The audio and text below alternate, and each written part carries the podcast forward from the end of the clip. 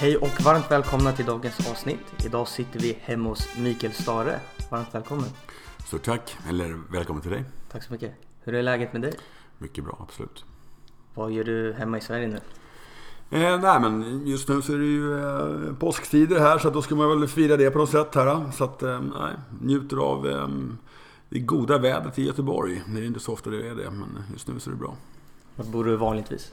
Nej, jag bor här. Eh, jag, eh, vi har våran, våran bas här i Göteborg. Vår våran son.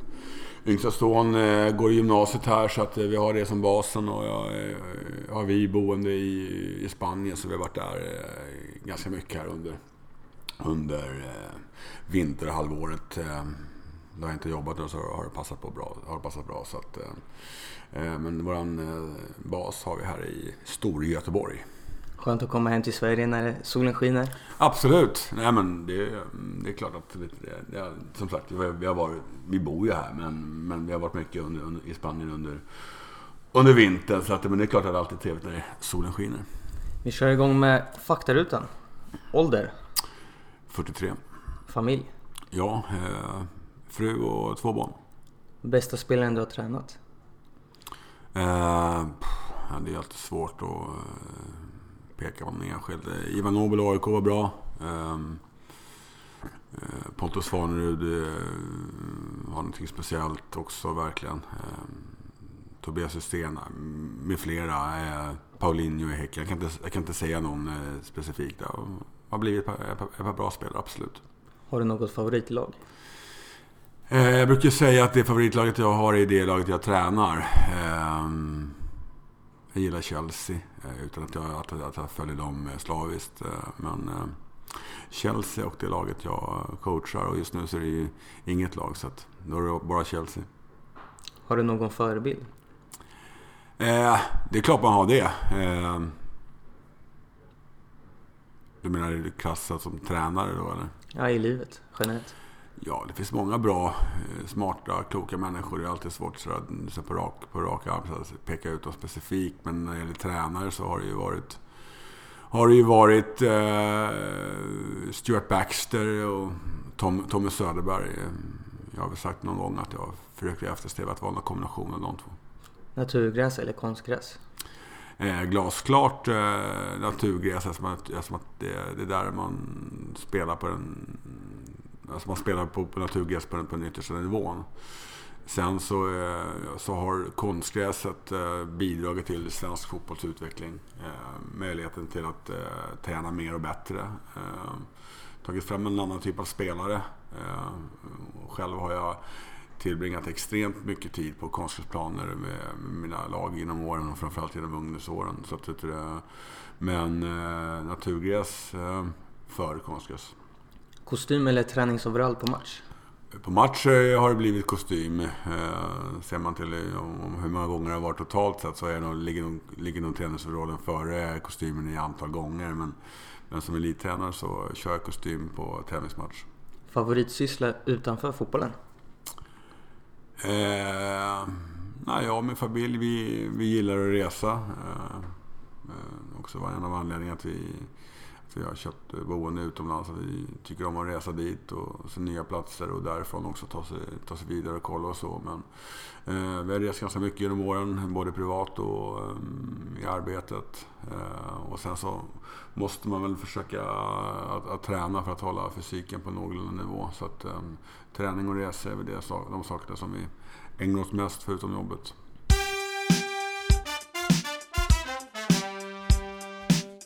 Även denna vecka är podden sponsrad av företagen Matchmil. Matchmil hjälper idrottare och idrottslag med energi och återhämtning i samband med match och träning. Deras matchpaket innehåller energirika mellanmål som gör att ert lag orkar prestera matchen igenom. Detta ger både spelarna rätt förutsättningar och avlastar ledarstaben i matchförberedelserna. Dessutom är priset ofta detsamma eller lägre än i butik. Matchmil har hjälpt lag inom både ishockey, fotboll och innebandy att ta sina matchförberedelser till nästa nivå. På Matchmil.se finns flera olika matchpaket att välja mellan. Vill ha en egen utformning på ert paket går även det jättebra. Matchmil är väldigt flexibla och kan sätta ihop ett paket med produkter som passar just ert lag perfekt. Jag har nu fått möjligheten att erbjuda dig som lyssnare på min podd hela 15% på hela deras sortiment.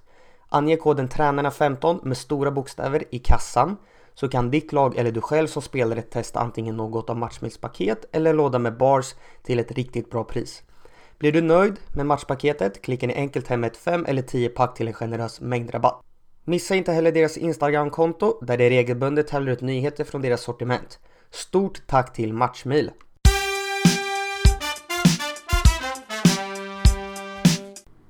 Du startade din tränarkarriär väldigt tidigt. Spelade du någonting själv innan? Ja men som alla.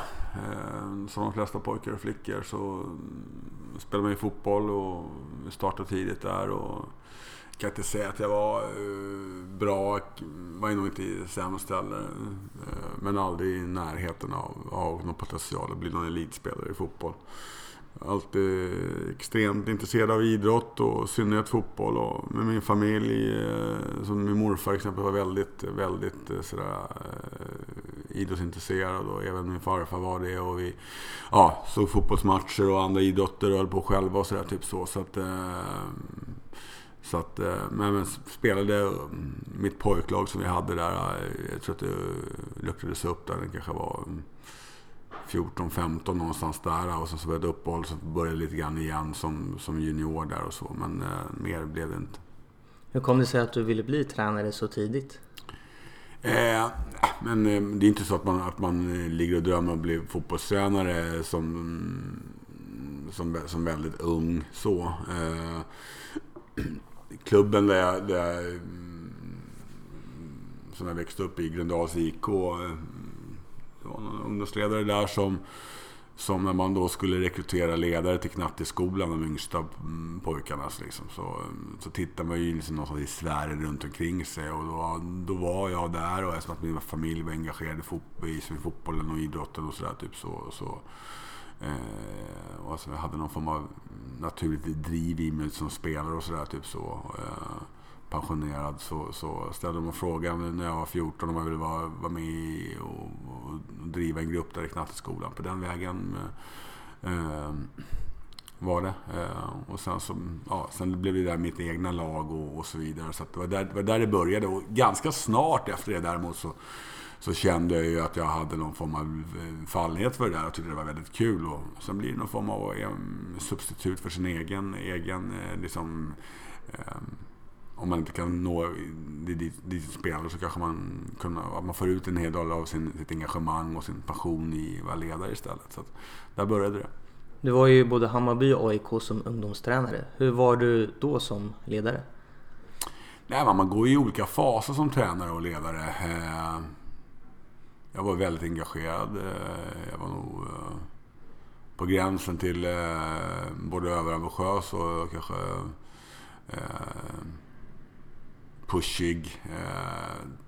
Tränade väldigt mycket med, med, med, med, antal gånger i veckan och ställde ganska höga krav. Det laget, pojklaget jag hade i, i Gröndal var väldigt, var, var väldigt bra. Och sen så, så blev jag ju rekryterad till Hammarby sen och sådär. Men jag var väldigt, väldigt, väldigt eh, intensiv och, och, och så. Eh, på gränsen till, till manisk och kanske för, för aktiv. Men, Sen, ja, det har väl egentligen hängt i. Men där måste, så får man väl lite mer distans till saker och ting. Gå olika faser som, som, som ledare och tränare och så. Men då var det mest liksom... Eh, eh, byggde enbart på engagemang egentligen. Och, och även att jag tyckte om då att, att, att eh, liksom... Eh, organisera, strukturera. Men som ungdomsledare så är det så många saker som man måste göra än bara som att sköta träningen och matchningen. Utan då är det ju liksom från att man bokar föräldramöten och liksom ser till att eh, liksom kaffekassan funkar och att eh, resorna till, till turneringen i Danmark eh, går att ordna och att eh, man har uppvärmnings-t-shirts och eh, matchställ och sådana där saker. Typ så. och, det, och det tror jag väl någonstans också har jag är väldigt stolt över den resan som jag har gjort. Att jag verkligen har, liksom har eh, gått hela vägen och fått göra de sakerna. Vilket har gjort mig till en, till en eh, bättre ledare tror jag också. Och jag har liksom inte hoppat över något steg. Vissa steg har gått väldigt fort. Eh, så.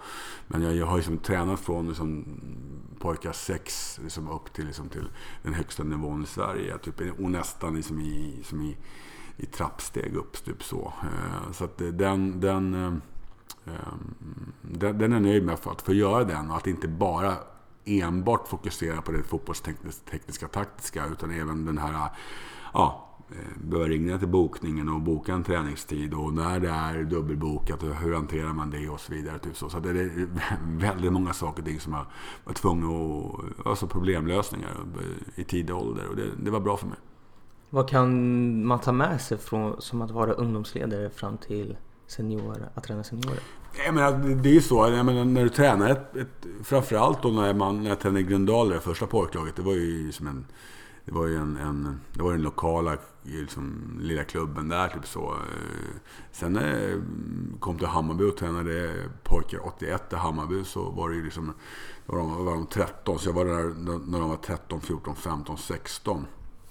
Och det var ju liksom en... en eh, Eh, vad ska jag säga? En... Eh, det var ju det var ett stort steg för mig. För det var ju kravställning för att vi skulle... Liksom, då, fanns det faktiskt, konstigt nog, så var det, fanns det vissa resultatkrav. För att nå pojkarsvenska som 16-åring så var man mer eller mindre tvungen att, liksom, att leverera... Liksom, man måste komma i en viss placering i tabellen, i övre tabellen för att nå nå pojkarsvenska. Så failade man när, man när man var med laget när man var 13. Då, miss, då, då missade man liksom pojkarsvenskan som var 60. Det var, det var upplagt på det, på det sättet. Det var konstigt, men, men så var det. Eh, men kraven, förutom att det fanns ett visst resultatkrav på utveckling och även på visst resultat på ungdomssidan så var det framförallt ifrån föräldrar. Det är klart att ett, i, i, en elitklubb, ja, där sätter, så, och sätter också föräldrar sina söner för att få en utveckling. Eh, för att de tror på sina söner som, som potentiella elitspelare. Och det är klart att liksom, om, om, som, som elittränare idag, där det är som eh, fans och media som kanske är eh, som, som, som på något sätt sätter ett extra tryck på en. Så då var det ju föräldrarna, eh, allt vad det innebär då, då med föräldrar som står med tidtagarur och kollar hur mycket spelare, spelaren får spela på sin, på sin position och hur många minuter han får spela kontra hans konkurrent och, och, och så vidare. Och det är klart att liksom telefonsamtal på hemtelefonen på, på kvällarna och föräldrar som ställde frågor och sådana saker. Då var jag ju bara tonåring. Så det är klart att det gjorde ju liksom att jag, att jag levde under någon typ av press i tidig ålder. Liksom, typ så, som, som sen utvecklades till någonting annat när man tog steg för steg. Då. Så, om du förstår vad jag menar.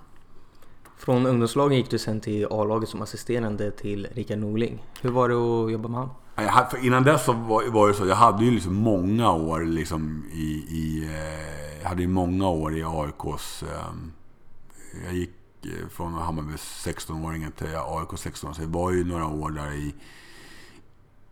Eller ganska många år på, på juniornivå. Där, mm. där första gången jobbade ihop med Rickard på ungdomssidan. Senare då efter några framgångsrika år där så blev jag hans assisterande tränare tillsammans med Nebojsa Novakovic 06.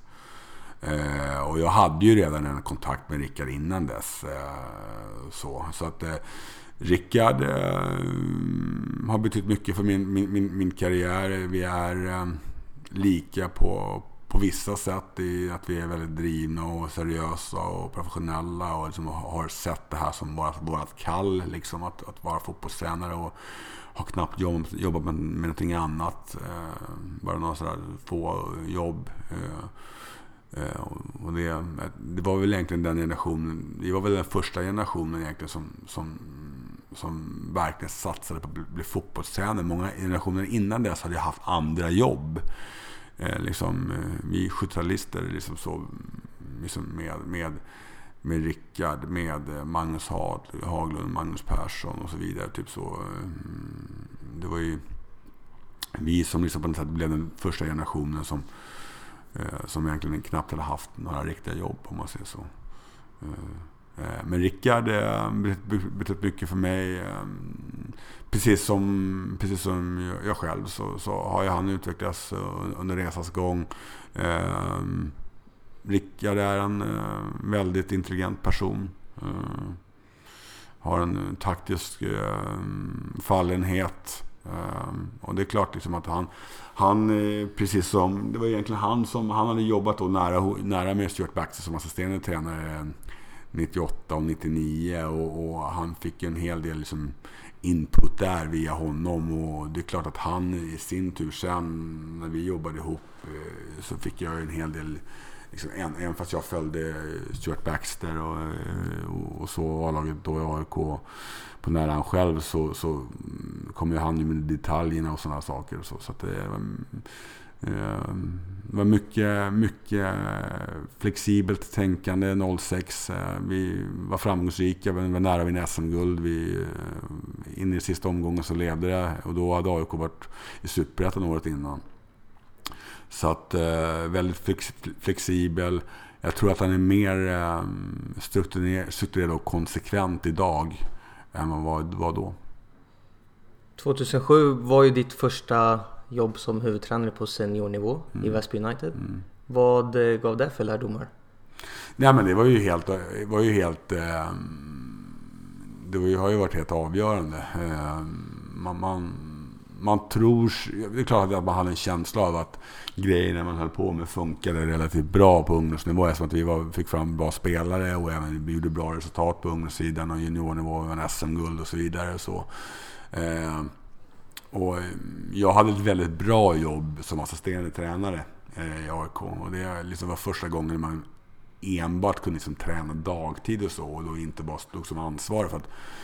Eh, och... Eh, AIK ställde frågan till mig för då hade de ekonomiska...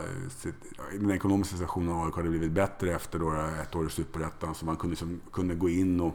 Och ett, ett framgångsrikt år i Allsvenskan så kunde man gå in i Väsby och driva dem som bara ett farmarlag. Eh, samarbetsklubb. Eh, fortfarande med, liksom med, med Väsby mm, på något sätt, styrelse och sådana saker. Men AIK, vi säger att det var 50-50 då. Eller kanske 60-40 AIK. Vi hade väldigt stor påverkan på, på verksamheten på alla sätt. Eh, och eh, det var, jag hade ett bra jobb som jag sa i, i, som AIK som assisterande tränare. Men nu fick jag möjligheten att, att liksom både jobba med talangutveckling och även liksom jobba på seniornivå som ansvarig. Eh, och de var väldigt tydliga med att, de ville, att det var jag som skulle vara där. Eh, så jag tog det eh, och ehm, det är klart att eh, det, var ett väldigt bra... Det var två fina år i Väsby. Det, först så, ehm, så var det ju att vi... Ja, vi gjorde, vi gjorde bra resultat, inte till en början. Eh, hackade på försäsongen. Jag och Björn Westerholm jobbade ihop där som tränare. Och Eh, fick ihop en trupp med våra kontakter både via liksom tidigare AIK-spelare, och juniorspelare i AIK men också spelare som vi rekryterade. Eh, och det var ett fantastiskt år. Eh, extremt kul. Jag, jag och Björn jobbade ju väldigt, väldigt tight. Eh, som, som, som, du duo där och, och liksom stött och blött och allt och var nära till beslut och, och så. Så det var, ja, det var fantastiskt. Där, det var, vi gick upp och vi gick också till semifinal i cupen i år. Så det var grymt. Och, och året efter så, så eh, blev det superettan då. vi gick upp då första året. I, i, och Väsby som klubb hade försökt många gånger förut och hade lyckats själva. De hade bara lyckats gå till superettan genom sammanslagningar. Så vi gick upp och eh, många spelare som vi hade där blev, blev allsvenska. Eh, både i AIK men också i andra klubbar. Så det, eh, det, var ett väldigt framgångsrikt projekt. Eh, kostsamt däremot. Det är klart att man, att AIK var tvungen att lägga in en hel del av talangutvecklingspengar i det. Och, eh, det kostar ju på. Eh, att Väsby inte hade de medlen själva. Så, så att, men det, det, var, det är klart att det också gav ett självförtroende och i samband med, med de med de åren så fick jag ju också möjligheten då, eh, till att jobba i andra klubbar. Eh, allsvenska klubbar och superettaklubbar ringde mig och ville att jag skulle, liksom, skulle liksom, eh, när jag var i Väsby. Men AIK var väldigt noga med att, att, att, att, att jag var liksom nästa man på tur i AIK. Sen vet man ju aldrig om det blir så när, när det blir skarpt läge. Men det blev så. Och så vann ni ju SM-guld och Svenska cupen med AIK när ni kom tillbaks. Ja. Vad gjorde att ni fick den framgången tror du? Nej men AIK hade ju varit legat där och, som och, och bubblat där ett par år. Hade ju varit då efter, efter eh, man gick upp i Allsvenskan och fick ordning på grejerna 06 då. Så, så eh, nej, men kraven blir väldigt stora och eh, 07-08, jag kommer inte ihåg exakt vilka resultat man hade. Men man var ju i alla fall topp 5 båda åren tror jag. Efter det. Eh, men då ville man göra mer när man var så nära 06. Eh, nej men jag, jag, tror väl att vi, jag och Björn, Björn blev ju sportchef då. Eh, och, och, jag var, mm, var head coach där. Och det är klart att det är direkt avgörande att liksom ha en, en, en, en, bra relation med sin sportchef och och samsyn både på, alltså på verksamheten i helhet. Eh, och det är klart att eh, sen var det ju inte liksom var det ju inte till, till min nackdel att jag hade liksom, de åren jag var i Väsby så var jag ju anställd av AIK Fotboll. Vilket betyder att jag jobbade i organisationen. Och var med i vissa, i, i, på någon, alltså inte ofta men på träningar. Hjälpte, bevaka, hjälpte till att bevaka motstånd och så. Så jag var ju en del av staben kan man väl säga. Ändå, även fast det inte var dagligen. Eh, så jag visste ju ungefär, alltså när man, när man då vet lite grann också hur verksamheten har bedrivits. Vad, vad dess, min, min föregångares styrkor och, och, och, och, svaga sidor och vilka saker kan man utveckla. Så det, det, var, det, var, det var lättare för mig att stiga in där äh, i form av att, att jag visste hur verksamheten hade bedrivits och vad det var för knappar man skulle trycka på. Typ så så att vi, vi, liksom, vi, vi visste på vilka, vilka, vilka områden vi skulle prioritera. Så kan man säga. I, i, och sen att det var väldigt, det var väldigt eh, var väldigt eh, säga, lugnt på så sätt. Liksom att, ja, det fanns inte några så här jättestora förväntningar det året. Och, eh, så att vi var lite grann helt, helt plötsligt. AIK kan ju aldrig vara helt, kan ju inte vara underdog. Men vi blev liksom, vi var inte, vi var inte eh, favoriter på, på det sättet. Så att, eh, gjorde en okej okay vår. Eh, också en, en, det handlar ju också om att vara var spelarna är någonstans. Och många spelare var, tror jag, väldigt nära toppen av sina karriärer. Eh, målvakten Daniel Öhrlund var fantastisk. Han hade eh, kommit tillbaka efter utlåningen och verkligen ville visa att han, att han var en toppmålvakt. Eh, Marcus Jonsson, högerbacken som kanske gjorde sin bästa säsong i sin, i sin karriär. Och, eh, innermittfältare, Jorge Ortiz, argentiner som, som hade haft några år där och inte som riktigt fått, fått chansen, fick fullt förtroende och så vidare och så vidare. Eh, så jag tror att eh, eh, det var många saker som spelade in, men det var liksom, det var eh, det var liksom, det var AIKs år och mm, vi gjorde det tillsammans då. Vad var det som lockade att lämna för Grekland och inte bygga vidare med AIK? Nej men, alltså man, det man ska vara, det man ska vara Alltså det, är, det är alltid komplext typ så. Men det är klart att jag hade ju... Jag hade ju dels så var det så att jag hade inte bara tränat AIKs A-lag i, i dryga en säsong. Utan jag hade ju varit i AIK sedan, som, 98 som ungdomsledare.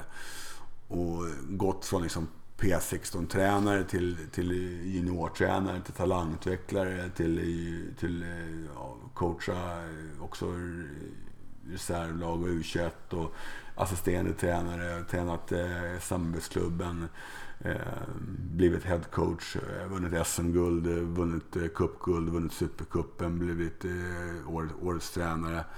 Eh, och då, när man då, gör, när man då når framgång, man ska vara medveten om det, att, liksom att tränare får inte erbjudanden om man inte har varit bra. Om man inte har, har, har nått framgång. Så är det på alla nivåer. Eh, och eh, jag fick ju... Det var ett flertal klubbar som visade intresse efter det året utomlands. Eh, och då blev det att... Eh, fick jag en förfrågan direkt efter säsongen. När, när, från den här grekiska klubben som, som var eh, i, i serie då. Eh, och eh, jag var sugen då men det, det, var, det var, blev, aldrig, blev aldrig aktuellt. Så vi som körde vidare. Och sen så eh, hörde de av sig igen eh, i, eh, i, i, på våren där. Eh, och i, man ska också vara medveten om att, att ehm, då, då, vi hade AIK då jämfört med nu. Nu när man var läsare förra året så har man en helt annan ekonomisk grund i AIK. Eh, Även fast man har, fått, har sålt spelare och så nu också så, liksom, kan man rekrytera in nya. AIKs situation var väldigt speciell då. Inte alls så eh, stabil ekonomi som nu. Eh, vilket betyder att man hade svårt att rekrytera nya spelare. Eh, eh, många av de spelarna som har varit framgångsrika 2000, 2009 var också Bosman-spelare och lämnade. Eh, och kontraktet gick, alltså kontraktet gick ut. Eh, som Daniel Öhlund, Marcus Jonsson, Jos Heufeldt gick till Celtic, Ivan Nobelov försvann och så vidare. Så laget blev ganska sådär typ... Eh, blev ganska, alltså betydligt mycket svagare. Eh, i, i, i, kombination med då, då att, att, då att, att man då skulle försvara SM-guldet och, och, så. Eh, så att eh, vi var ju inte bra. Vi var ju, startade ju dåligt. Så att, det var många saker som spelade in där. Typ så. Men sen ska vi vara medvetna om att, att vara tränare utanför Sveriges gränser är väldigt få förunnat. Så det var väl en kombination av att så här efteråt kan man väl tycka att man, visst, det, var, det var smått naivt att, att, att lämna så, så ung som till, till Grekland utan assisterande tränare. Det var dock en dansk sportchef som kom in där också. Eh, och så. så att, eh, och det är klart att man hade kunnat kunnat gjort, gjort annorlunda. Samtidigt så var det, var det en bra erfarenhet för mig också. Eh, på så sätt. Så att, eh, jag kan inte säga att jag ångrar det, men det var, det var, det var nog naivt. Eh, så. så att, eh, ehm, och jag tror att också att man lär sig av sina misstag. Eh, jag tror också att AIK som organisation också lärde sig av dem, av de året. Hur man då skulle hantera ett, ett, ett SM-guld och hur man ska ja, balansera upp saker och ting och så. Men eh, tittar man på AIK idag så har AIK, ja, AIK varit extremt stark över en lång period. Hur var det att jobba i Grekland som du nämnde väldigt ung och utan någon assisterande tränare som du själv plockade med dig? Nej men det, det, det är klart att jag hade ju egentligen bara liksom i, hade, hade ju bara senior, seniorerfarenhet egentligen bara sedan några år tillbaka. Uh, jag måste säga, jag, jag har ju inte några problem att, att få mina spelare med mig och, och min grupp och så. Det funkade även bra i, i Grekland. Men det är klart liksom att så här efteråt så kunde jag nog säga att det var relativt naiv. Eh, så. Eh, och det är klart liksom att jag lämnade AIK och hela min liksom egentligen trygghets, liksom, trygghetspaketet eh, med de personer runt omkring mig som hade jobbat över lång period och, eh, och så. Och flyttade, liksom, flyttade till ett annat land med min familj. Och, det är klart att eh, nu hade jag ju kanske gjort en, hade gjort en annan research, absolut. Det var ju mm, betydligt bättre betalt och allt det där. Typ så. Men det är klart, och, och spännande att komma till ett nytt land och, och, så. Men det är klart att i Grekland så sparkar man ju tränare hela tiden. Och det är klart att det året som, som, som jag var där, de två högsta divisionerna som eh, innehöll sammanlagt 32 lag i två, över två serier med 16. Alltså då var det i alla fall det. Så um, tror jag att det var 99 tränare på de, på de två serierna. Det var ju gal, alltså galen omsättning. Och Jag tror att efter mig, när jag slutade i, någon gång där på hösten så så tror jag att det var tre eller fyra tränare efter mig som kom. Så det är klart att, det, att, det, att det, det var väldigt naivt så. Men eh, liksom jag... Eh, det är klart det är saker och ting som man Eh, som man kan ha gjort, gjort annorlunda. Men nu är det gjort och nu är det bara en erfarenhet. Skiljer det någon på något sätt ledarskapsmässigt när du är tränare utomlands kontra i Sverige och ställer de högre krav på dig som tränare? Nej, men jag har ju seniorlaget som jag har varit i, i Sverige är ju jag menar, AIK och IFK Göteborg är ju liksom i stora klubbar med stora fanskaror och liksom, stort tryck på. Häcken har ju också hög kravställande utifrån att man är en bra lag. Men inte, man har, inte på samma sätt när det gäller mediatrycket eller supportertrycket på det sättet. Eller för den delen också från ledningens sida. Fast tolkar mig inte fel, tolkar mig inte fel men det är klart att AIK och IFK Göteborg är tuffare miljöer att vara i. Eh, så det, jag, kan inte, jag vet inte, jag kan inte säga att jag, att jag, känner, att jag känner mer press att vara, vara, vara utomlands än att vara i, i storklubbar i Sverige. Men däremot är det ju på det är, Den stora skillnaden är att det är ju, det är ju ägare i, i, i, de, i, utomlands. Och, och det gör ju att, eh, att det blir en annan, eh, trots allt i i Sverige så är det, liksom, är det föreningar och liksom finns en, det, finns en, det finns en viss liksom, långsiktighet och en föreningsstrategi och, och, och sådana saker. Och det är klart att det är, att det, att det är skillnad när en enskild ägare som, är, som, där, där pengarna kommer från hans plånbok. Och det är klart att då, då, då kan det bli vi säger så här, det, då kan man bli inkallad på, på möten direkt, direkt med ägaren. Där liksom egentligen nivån på kunskapen kring fotboll och spelet och liksom hela verksamheten den kan vara på väldigt, väldigt varierande nivå om man uttrycker sig milt. Liksom så. Eh, sen är det ju så att, att eh, förutom några enskilda klubbar eh, i fotbollsvärlden så, så är det ju den dagen man skriver på ett kontrakt utanför Skandinaviens gränser. Det är tufft i Skandinavien också. Man kan få sparken väldigt snabbt. Så är det ju som en tickande bomb. Alltså den dagen som du skriver på då startar ju nedräkningen till när du ska sluta. Liksom så. Så det, det, det, och det är klart att det är jag ju varse om nu. Eh, när jag har gjort det ett par gånger och sådana saker. Så det är klart att, att eh, eh, Sen så lärde jag mig mycket efter. Jag har fått möjligheten till att eh, vara utomlands två gånger efter Greklandsäventyret. Och det är klart att, att när, jag var, när jag kom till Kina så det är klart att då eh, försökte jag verkligen att eh, undvika de eh, fällorna som hade gått i, i Grekland med form av se till att sätta det absolut viktigaste på plats fotbollsmässigt, eh, organisationsmässigt. Eh, och sätta det i, främsta rummet och få resultaten med mig. För att får man inte det så spelar det ingen roll hur, hur bra fotboll eller hur bra ledare du är. Vilken, hur mycket du bryr dig om hela verksamheten, ungdomsverksamheten. Om du inte får resultat, då är du borta. Liksom. Hur ser du på tiden i Kina som var rätt så framgångsrik? Nej men det var bra. Eh, nej, det, var, det var bra och kul, utvecklande. Eh, vi var Eh, Eh, ex, ja, jag, fick, jag, jag, fick till en, en, produkt där som jag kände som, som jag um, spann vidare lite grann på det som, som hade gett mig framgång egentligen i, i ARK och även år två och tre i IFK Göteborg. Satte en, liksom en, en väldigt tydlig defensiv och jobbade väldigt mycket med det. Och, Eh, fick eh, ordning på det och mm, hade också en, en, bra offensiv. I, men, som vi, men först satte vi defensiven och det, det, var, det, var, det, var, det var rätt prioriteringar och eh, höll extremt många nollor och mm, ja, gjorde, gjorde det bra där och kände att jag hade både spelare och ledare med mig där. Typ så. Så att, eh, ja, det, var, det, var, det, var, det var en bra tid, mestadels eh, positiva känslor därifrån. Du hade ju med dig en tolk som fick översätta allting. Hur är det att jobba i en sån tillvaro?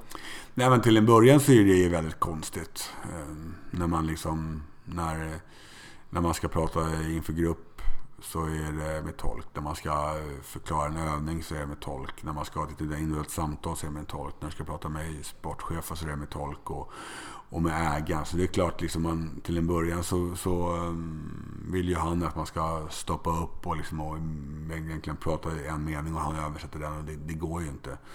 Eh, sen då var jag, nu var jag ändå där ett och ett halvt år eh, med i stort sett samma spelare.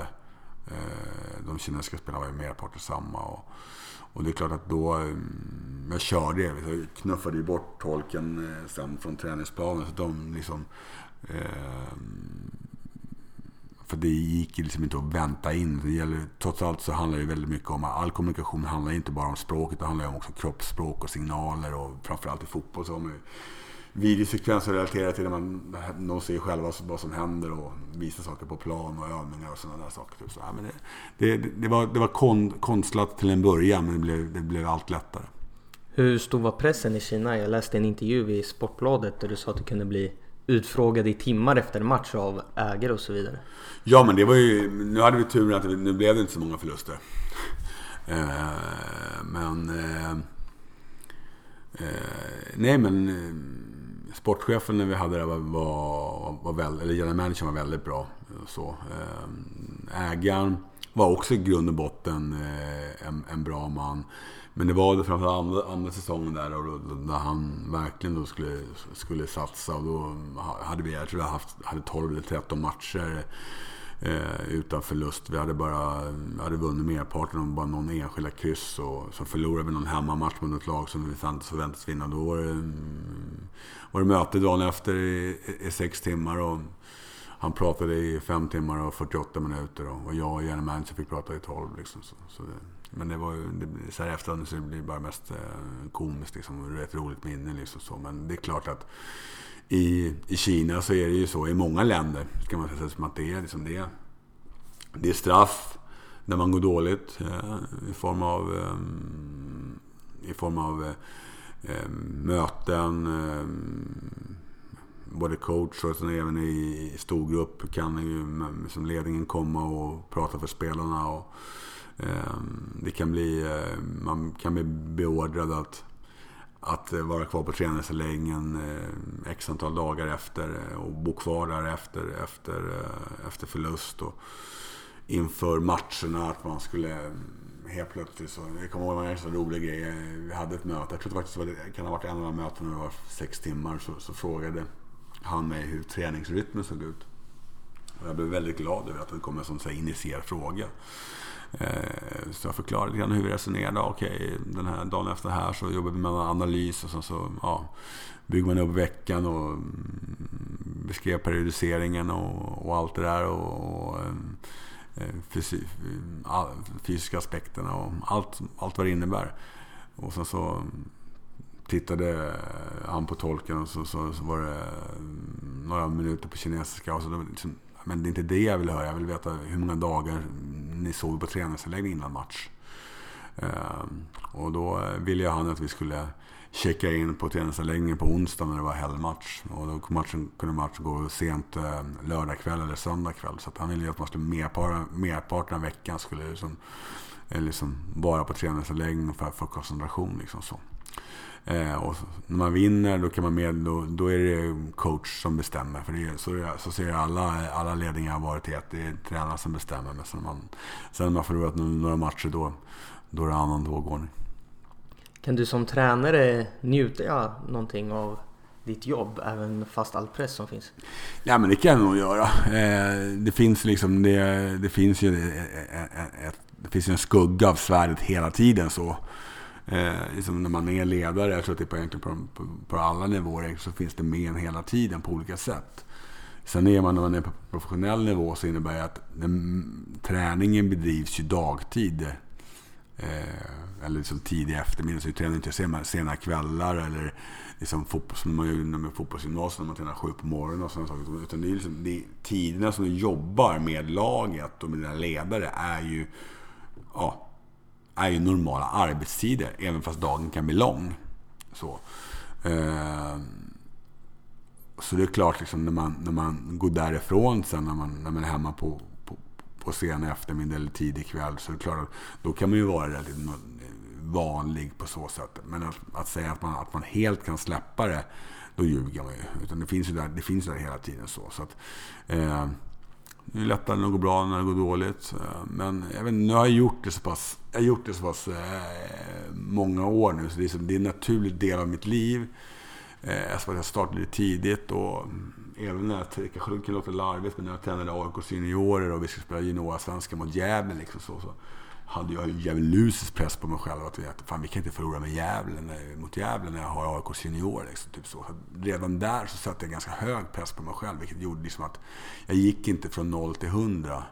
Eh, han jag har kommit upp en bit i fart innan jag kom in på den nivån. Så att, eh, sen så finns det ett naturligt stresspåslag som långt ifrån är sunt. Eh, så. Det är klart att, liksom att när man hamnar under press så det är klart att menar, det året, mitt första år i Blåvitt till exempel, så var det ju en gigantisk press. Typ så. Vi vi strugglade och vi, vi blev, blev sjua och det var liksom, vi hade ju höga förväntningar på oss där. Typ så. Det är klart liksom att då, det är klart att när säsongen är slut så är man ju totalt dränerad på energi. Typ så. Och det är klart att jobbar man, jobbar man så över en lång period så jag läste någon artikel eller någon undersökning bara för någon, någon dag sedan kring liksom, tränarens stress och allt sådär. Typ så. så att, att jobba så över lång period utan, utan, utan breaks, det, det, är liksom, det är, det är helt eh, otänkbart. Det går inte tror jag. Eh, för då, då går, man i, går man i väggen eller att man i alla, fall, i alla fall inte kan vara tillräckligt skarp i det man gör. Så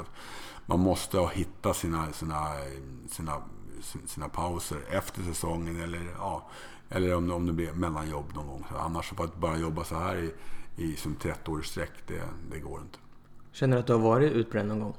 Det har, det har inte varit. Däremot så tror jag att så har, jag, har man ju varit under, har man ju varit ganska dålig, har man ju varit rejält, rejält sliten och mer än så.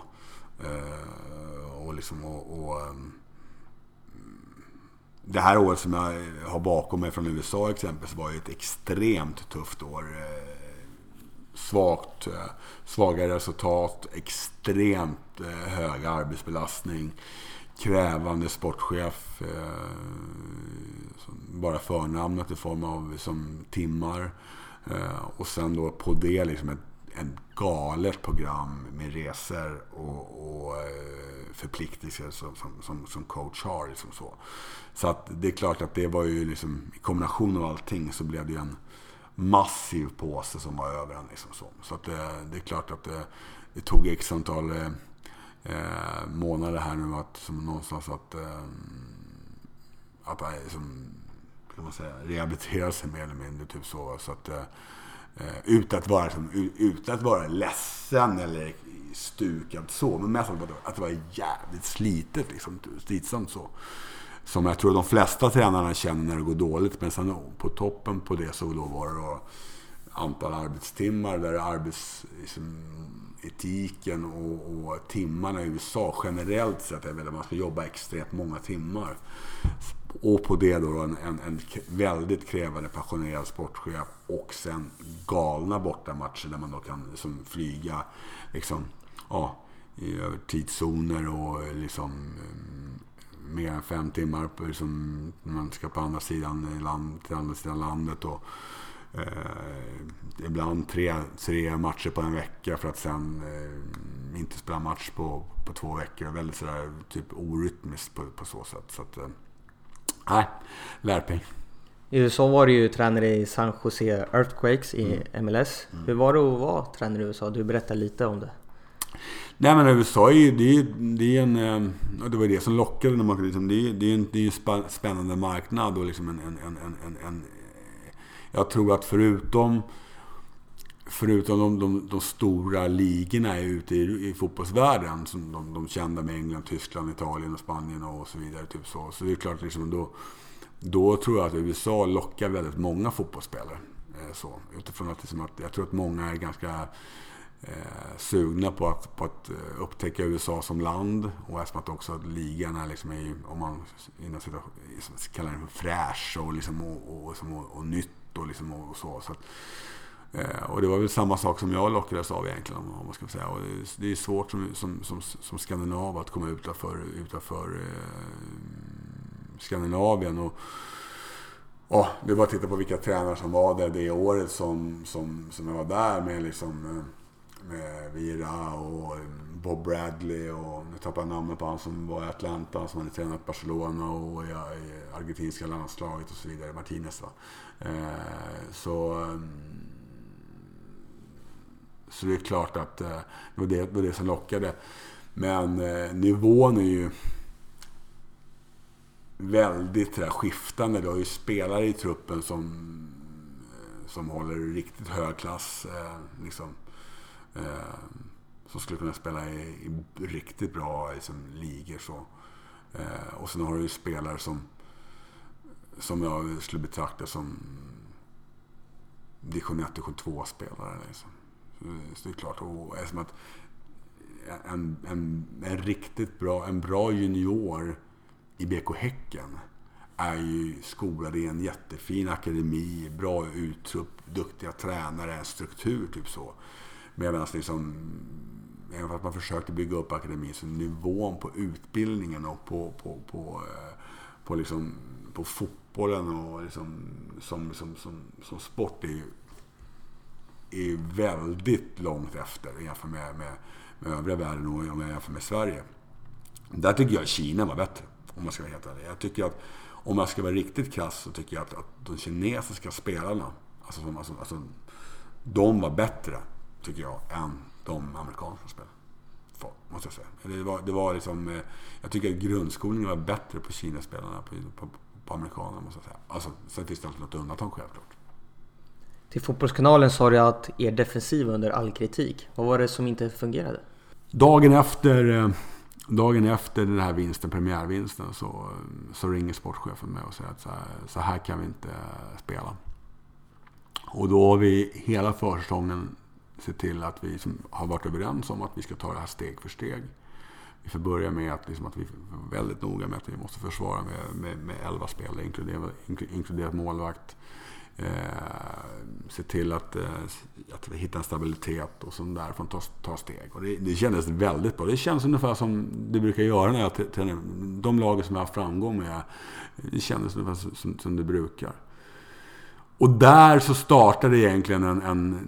Vi var tvungna att balansera laget på ett annat sätt. Eh, de ville ha en, en, eh, en, en kreativare och offensivare fotboll än vad laget klarade av. Eh, med också bakgrund att man hade släppt in extremt mycket mål året, året innan. Så att... Eh, sportchefen blev väldigt stressad över att det var andra lag som spelade en betydligt mer offensivt inriktad fotboll. Utan att jag tyckte att vi på något sätt var överdrivet defensiva. Uppenbarligen gjorde vi tre mål och släppte in två. Eh, så, så blev det liksom en... Ah, helt plötsligt så ritades kartan om bara efter, eh, efter en match mer eller mindre. Och eh, försökte liksom att... Eh, jag stod ju på honom och försökte liksom att ah, vi, vi har ju gått in i det här så vi och i kombination med det så sen blev det också resultaten kom, blev, blev inte, blev inte som, som, som de som hade önskat och vi förlorade många udda, uddamålsmatcher. Och så, så helt plötsligt så, så tappar man mer eller mindre allt. Och det här, den här gruppen behövde, våran chans hade varit att starta med en, med en defensiv, defensiv eh, liksom, lite mer balanserat lag se till att försvara målet, eh, se till att um, utnyttja våra offensiva spelare när vi, när vi kunde erövra bollen på, i vissa ytor och så vidare. Uh, men för mig så finns det inga quick fix. Man måste, man måste ta steg för steg. Och eh, det hade inte sportchefen eller eh, fansen eh, som jag tror påverkade sportchefen egentligen någon hade inte det tålamodet egentligen. Så att man, man, ville, liksom, man ville att vi helt plötsligt bara skulle liksom trycka på knapp och helt plötsligt skulle vi göra massa mål och inte släppa in några helt plötsligt. Och med de här spelarna vi hade där bak var det omöjligt. Dåligt defensivt skolade, jag kom från en väldigt brokig liksom, utbildningsbakgrund. Så liksom, vi hade ju liksom spelare från hela världen mer eller mindre och där man kommer från olika metoder och så vidare. Typ så, väldigt, många väldigt markeringsinriktade amerikanerna som inte har någon struktur alls på det hela. Och vi fick sätta våran grej. För mig, enda chans att nå resultat med det laget hade varit att konsekvent fortsätta och bygga det och sen ta steg för steg. Uh, istället så ja, tror jag att man skulle kunna hoppa, hoppa över vissa steg. Och liksom, de här defensiva spelarna, back, backspelarna behövde också behövde skydd från mittfältare och egentligen ett extremt hårt jobb från forwards hela laget för att kunna göra någon form av resultat. Eh, men eh, det, beställningen ändrades. Så, från att eh, en maträtt som hade beställts till, kök, till, till, till köket så, så när den maträtten, maträtten nästan var klar ja, då, då, då skulle man ha någonting annat helt plötsligt. Och det, det mäktade inte den här gruppen eller vi tränare med. Det är ju inte jättemånga svenska tränare som har varit utomlands. Är det någonting de generellt saknar eller vad är det som krävs? Det tror inte jag. Jag tror, eh, jag tror att svenska tränare är väldigt bra. Eh, det, det, det är 100% övertygad om. Eh, det handlar om att Sverige är ett ganska lågt rankat fotbollsland. Eh, jag tror att eh, det finns, när man inser när man varit utanför Sveriges gräns, så inser man också att att HEP, det, det ser vi även i Sverige, att det är utländska spelare här och så här, Men det är ännu tydligare när man kommer utanför Sverige att det är verkligen hela världen som är upptagningsområde. Man kan ta en tränare från, från Portugal, eh, från, från Spanien, ifrån Holland, där man liksom har som riktigt, som riktigt traditionella fotbollsländer. Där, jag menar, alla kan inte träna liksom Barcelona eller Ajax Amsterdam eller i som Sporting Lissabon eller Porto. Utan det finns ju tränare, extremt mycket tränare i de, i de länderna som är jätteduktiga. Så att, eh, och sen finns det väldigt många från, från eh, forna Jugoslavien. Som många riktigt bra tränare. Så som, som går långt före oss. Eh, sen när vi väl får chansen så får inte vi de stora projekten. Vilket betyder att det är bara att titta på de svenska, de, de skandinaviska tränarna förutom Svennes egentligen något undantag. Med Laudrup och Mårten Olsen och så vidare. Så. Eh, eh, Hasse Backe och sådär. Typ så. så. Så, är det ju så får vi de, de, de eh, stora projekten och då får man inte de stora projekten eh, så mm, då måste man ju liksom slå i taket och verkligen liksom göra någonting som, som inte förväntas. Annars så får det sluta. Eh, så att, men svenska tränare. Sen, vi är bra. Jag är helt säker på det. Men däremot så tror jag att vi ibland så tror jag folk också underskattar Sverige som fotbollsland. Och att det är större press än vad egentligen än vad folk tror. Folk tror att, att svenskar, att vi, som, att vi är alltför blåögda och att vi inte klarar av press och klarar av ägares krav eller media eller skrikande fans. Men, men titta, ibland så önskar jag att jag skulle bjuda hit folk och se att, att, som att det, vi har en riktigt bra liga också med, med, med hög kravställning och titta på de stora klubbarna. Och, liksom, atmosfären eh, kring match och runt omkring är, är ju på internationell nivå. Så att, eh, ibland så är svensk eh, fotboll väldigt underskattat. Nu har du inte haft något uppdrag sen MLS. Har du tackat nej till mycket? Vad är definitionen på mycket? Men jag har i alla, alla fall haft en, en halv hand med eh, konkreta uppdrag. Eh, men ingenting som har varit eh, tillräckligt eh, intressant för att, eh, för att ta. Men eh, jag, kan, jag, jag, måste, jag måste erkänna och säga att jag är, att jag är eh, väldigt intresserad av att, att jobba snart. Eh, Sen så är, kommer jag inte hoppa på vad som helst. Det, jag har, har, som, har, en, har en tydlig linje på hur jag, som, hur jag ska tänka. Men, men eh, jag, jag är fotbollstränare och fotbollstränare mår allra bäst av att, att jobba.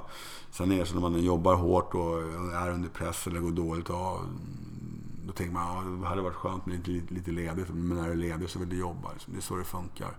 Men det går ingen nöd på mig. och, och det bästa är om, om du kunde bli ett uppdrag här nu under sommaren. Eh, men absolut som senast till årsskiftet. Om du skulle få önska, nu vet jag att man inte kan det, men vill du helst jobba i Sverige eller utomlands?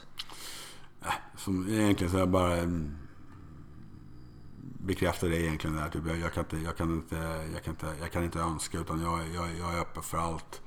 Men jag kommer vara väldigt noga med att, att, att, det, att det blir en eh, solid... Ehm, egentligen finns det, det finns ju två egentligen. Om man ska, om man ska vara väldigt krass så, finns det två stycken spår. Antingen så finns det det, det mer skandinaviska eller liknande spåret där det är mer solid verksamhet och lite mer långsiktighet. Även fast fotboll är inte, det handlar om att, att vinna matcher.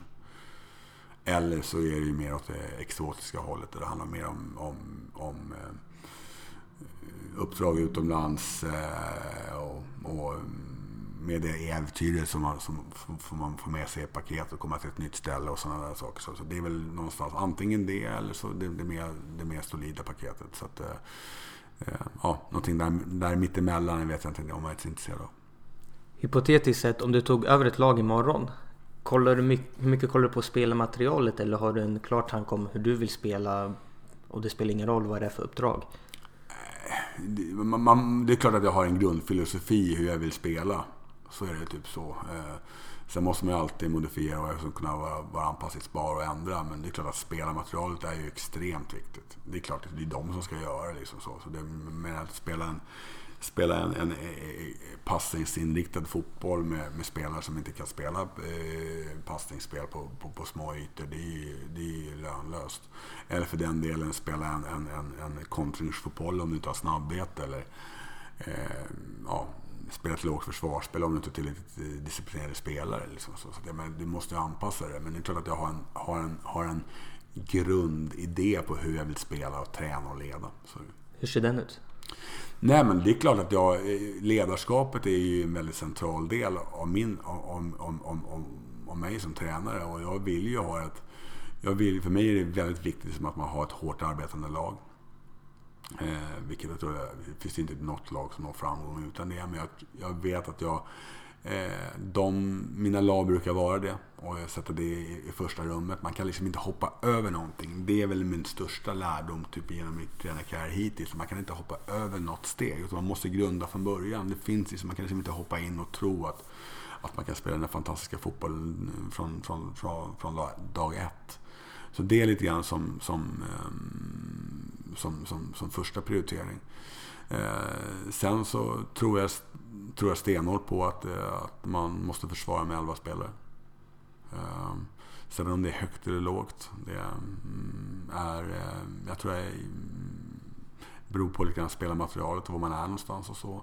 Men jag tror inte så mycket på något försvarsspel som är mittemellan. Jag tror på högt eller lågt. Ehm, jag vill spela en, en passningsinriktad fotboll. Ehm, där passnings spelet ska leda till att vi hotar motståndarna.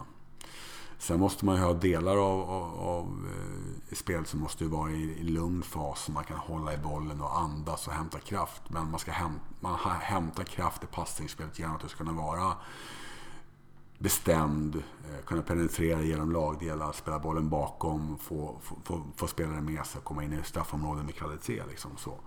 Så att, eh, och jag vill spela med fart. Så att jag tror att jag står nog för en, för, för en filosofi som, som är...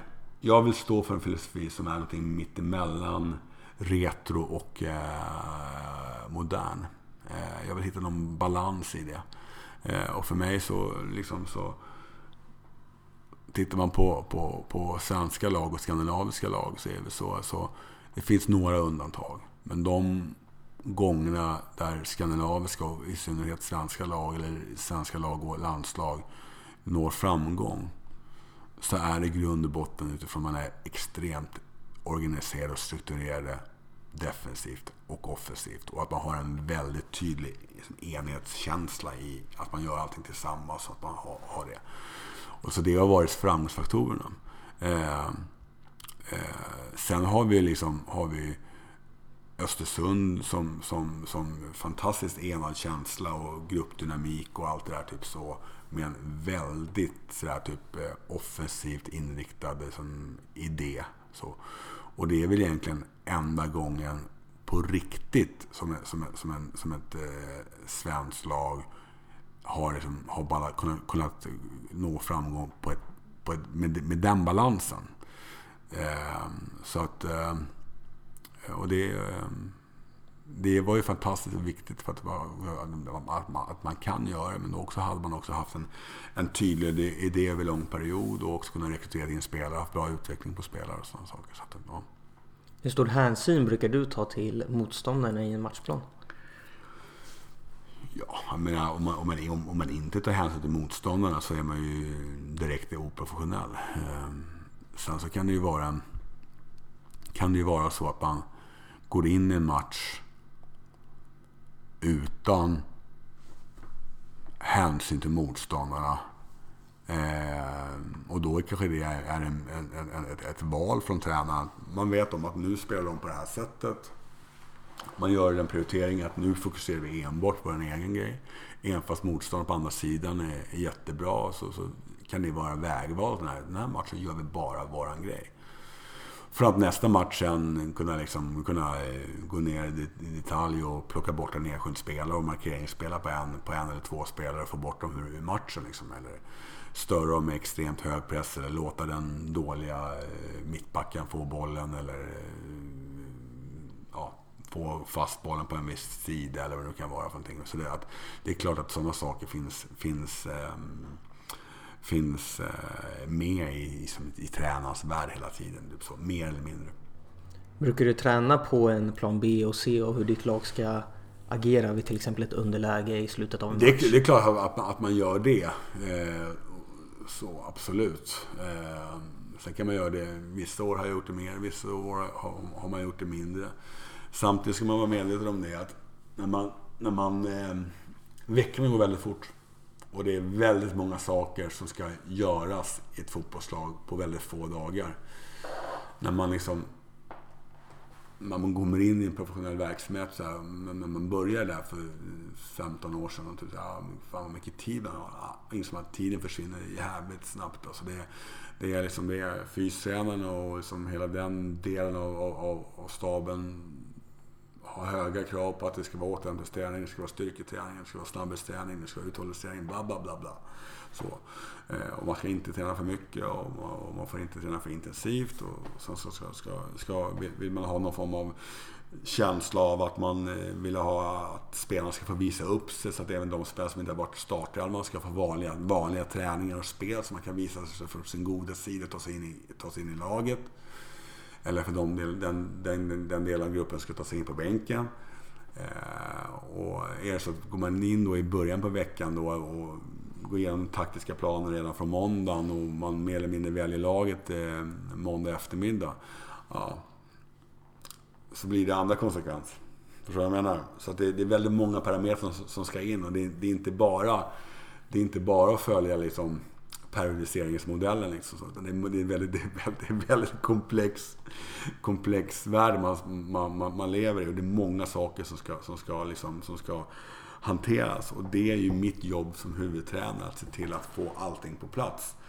Kan liksom inte bara liksom prioritera den, den eh, taktiska delen eller för den delen bara den fysiska delen eller för den delen bara detaljen eller facilitationen. Man ska ju få ihop den, den hela, hela paletten.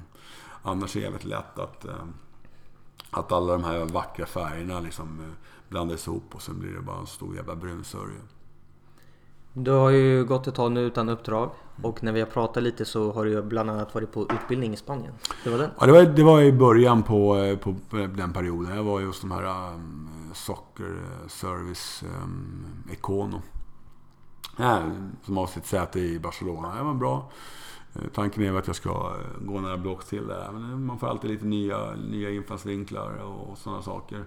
Det är inte så att det, det, det är som de flesta som är, är på kurs. Att man, det är inte så att man liksom... Eh, ska säga, att man, att man köper allt. Det är inte heller så att jag är... Att det är första gången, så det är klart jag har redan min filosofi. Men det är alltid bra att addera nya saker. Eh, och se hur, hur, hur andra resonerar och få lite nya infallsvinklar. Så att, eh, sen har jag tillbringat eh, många veckor i, i Spanien och i Marbella under, under under vintern och där har ju många, många nästan svenska lag, alltså Östersund och Malmö har varit där. Eh, sen, eh, majoriteten av de norska lagen har varit där på, på läger och andra ryska lag har varit där och andra östeuropeiska lag också. Så att jag har sett väldigt mycket träning och väldigt mycket matcher och, och eh, fått lite nya eh, idéer och sådana saker. Och träffat tränare och eh, sportchefer. Och, agenter och folk som jobbar i fotbollsvärlden. Eh, så att, eh, det, har varit, det har varit en bra vinter på så sätt. Så att, eh, det, det är så liksom att, att det gäller att eh, ta vara på de här möjligheterna. Eh, som, som, när möjligheterna som ges. Jag har haft några, att jag har kunnat haft en bra period och kunnat dels sköta om mig själv men också kunna för, förkovra mig. Så att, eh, sen, är det väldigt, sen är det så att är det så att går man, går man på utbildning och sådana saker och, och, och eh, tränar ett lag så kan man kanske direkt försöka omsätta det till att praktisera det dagen efter eller veckan efter i träning. Nu har jag inte någon lag, så det beror på. Eh, det har väldigt stor betydelse på vilket typ av lag och i vilken situation jag kommer att träna ett lag i. Är det att ta över mitt i säsong, ett lag som, som kämpar, som kanske har haft en negativ trend, eh, är det för att på något sätt ta ett eh, topplag som har tappat, tappat kontakten med, fått få kontakt med topplagen igen? Eller är det ett lag som har kämpat för att undvika botten? Och så vidare. Så det, det är väldigt speciellt. Så det, det gäller liksom att vara... Det går inte att vara helt förberedd på alla scenarier nu. Utan man, där måste man tänka tanken och så får man göra det till sitt sen när man, när man hamnar där. Vad är det som gör dig till en framgångsrik tränare? Oj. Jag vet inte om man är framgångsrik. Men eh, mer och mer, det som kanske är, är, är mig som tränare då. Så är det så att jag, jag tror att min eh, personlighet och mitt sätt att vara är präglar mitt, mitt, mitt eh, tränarskap. Eh, jag tror att jag är väldigt eh, engagerad. Eh, jag tror att förhoppningsvis så kan jag eh, passa över liksom positiv energi till mina spelare. Eh, att jag eh, har utvecklat en ådra att göra mina medarbetare bra. Att utnyttja staben runt omkring mig på ett bra sätt omge med, med rätt människor som är duktiga på andra saker än man själv besitter. Eh, och att jag är, jag är naturligt driven liksom. Typ så. så att, eh, naturligt driven person som, som inte nöjer mig med, med average. Vad har du för tips till tränare som vill nå elitfotbollen? Eh, att, det inte finns några, att det inte finns några genvägar. Klyschan bara haglar. Eh, jag menar, det, är hårt arbete som gäller. Jag tror att eh, det bästa är att hitta kombinationen av att leda sitt egna lag med att eh, kanske vara assisterande tränare eller ha någon form av mentor. Typ så. Men att lära sig själv, för mig har ju det varit helt avgörande. Liksom. Jag har ju varit assisterande tränare väldigt få gånger. Så, eh, och att ja, leda sitt egna lag. Eh, och det handlar inte bara om att, att flytta liksom plupparna. Eh, liksom att, att, eh, det handlar inte bara om uppspelsvarianter eller spelet i sista, i sista tredjedelen eller, eh, eller assistytor i, i offensivt straffområde eller nå mm, golden zone. Liksom så. Utan det, det, det är en väldigt komplex palett som du ska hantera. Det är väldigt många olika saker. Och du måste ha klart för dig inte, du kanske inte kan ha i varenda situation ett facit. Men du måste ha en filosofi i hur du i alla fall vill hantera alla delarna. Ehm, sen om det är så att det är att den här delen, ja, då är det, mm, gäller fastighetssituationer. så är det, är det rent min egen filosofi. Eller så, eller så är min filosofi det jag rekryterar en som är väldigt bra på det. Alltså, men i alla fall att ha, tänkt igenom det i alla fall. Så att, eh, eh, och i slutändan så handlar det om att hitta ett sätt som är ditt sätt. Så att spelarna springer för dig. De ska springa för dig måndag, eh, tisdag, onsdag, torsdag, fredag, lördag, söndag. Eh, och de ska springa för dig när du har vunnit och när du har förlorat och när det regnar och när det haglar och när det är sol. Och, eh, om, att man liksom, att man återigen inte när man tror att man är skitbra så är du kanske bara bra. Och när du tror att du är helt jävla värdelös så kanske du bara är dålig. Så att det inte är någon balans i det. Vilken tränare skulle du vilja lyssna på i podden? Oj! Eh, eh, min vän eh, Lee Baxter är ju målvaktstränare i eh, Kaiser Chiefs i eh, Sydafrika.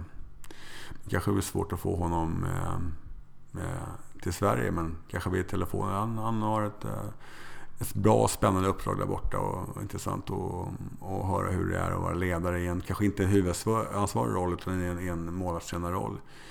Eh, I en annan kontinent i, i, i världen. Tack så mycket Mikael för att du tog dig tid. Stort tack. Stort tack för att du lyssnat. Glöm nu inte att prenumerera och följa podden på Twitter. Koden tränarna15 med stora bokstäver ger dig 15% rabatt på hela Matchmils sortiment. Nästa veckas avsnitt är med FC Rosengårds tränare Jonas Edvall. Vi hade ett mycket intressant samtal som jag väntar med spänning på att få släppa. Vi hörs på söndag.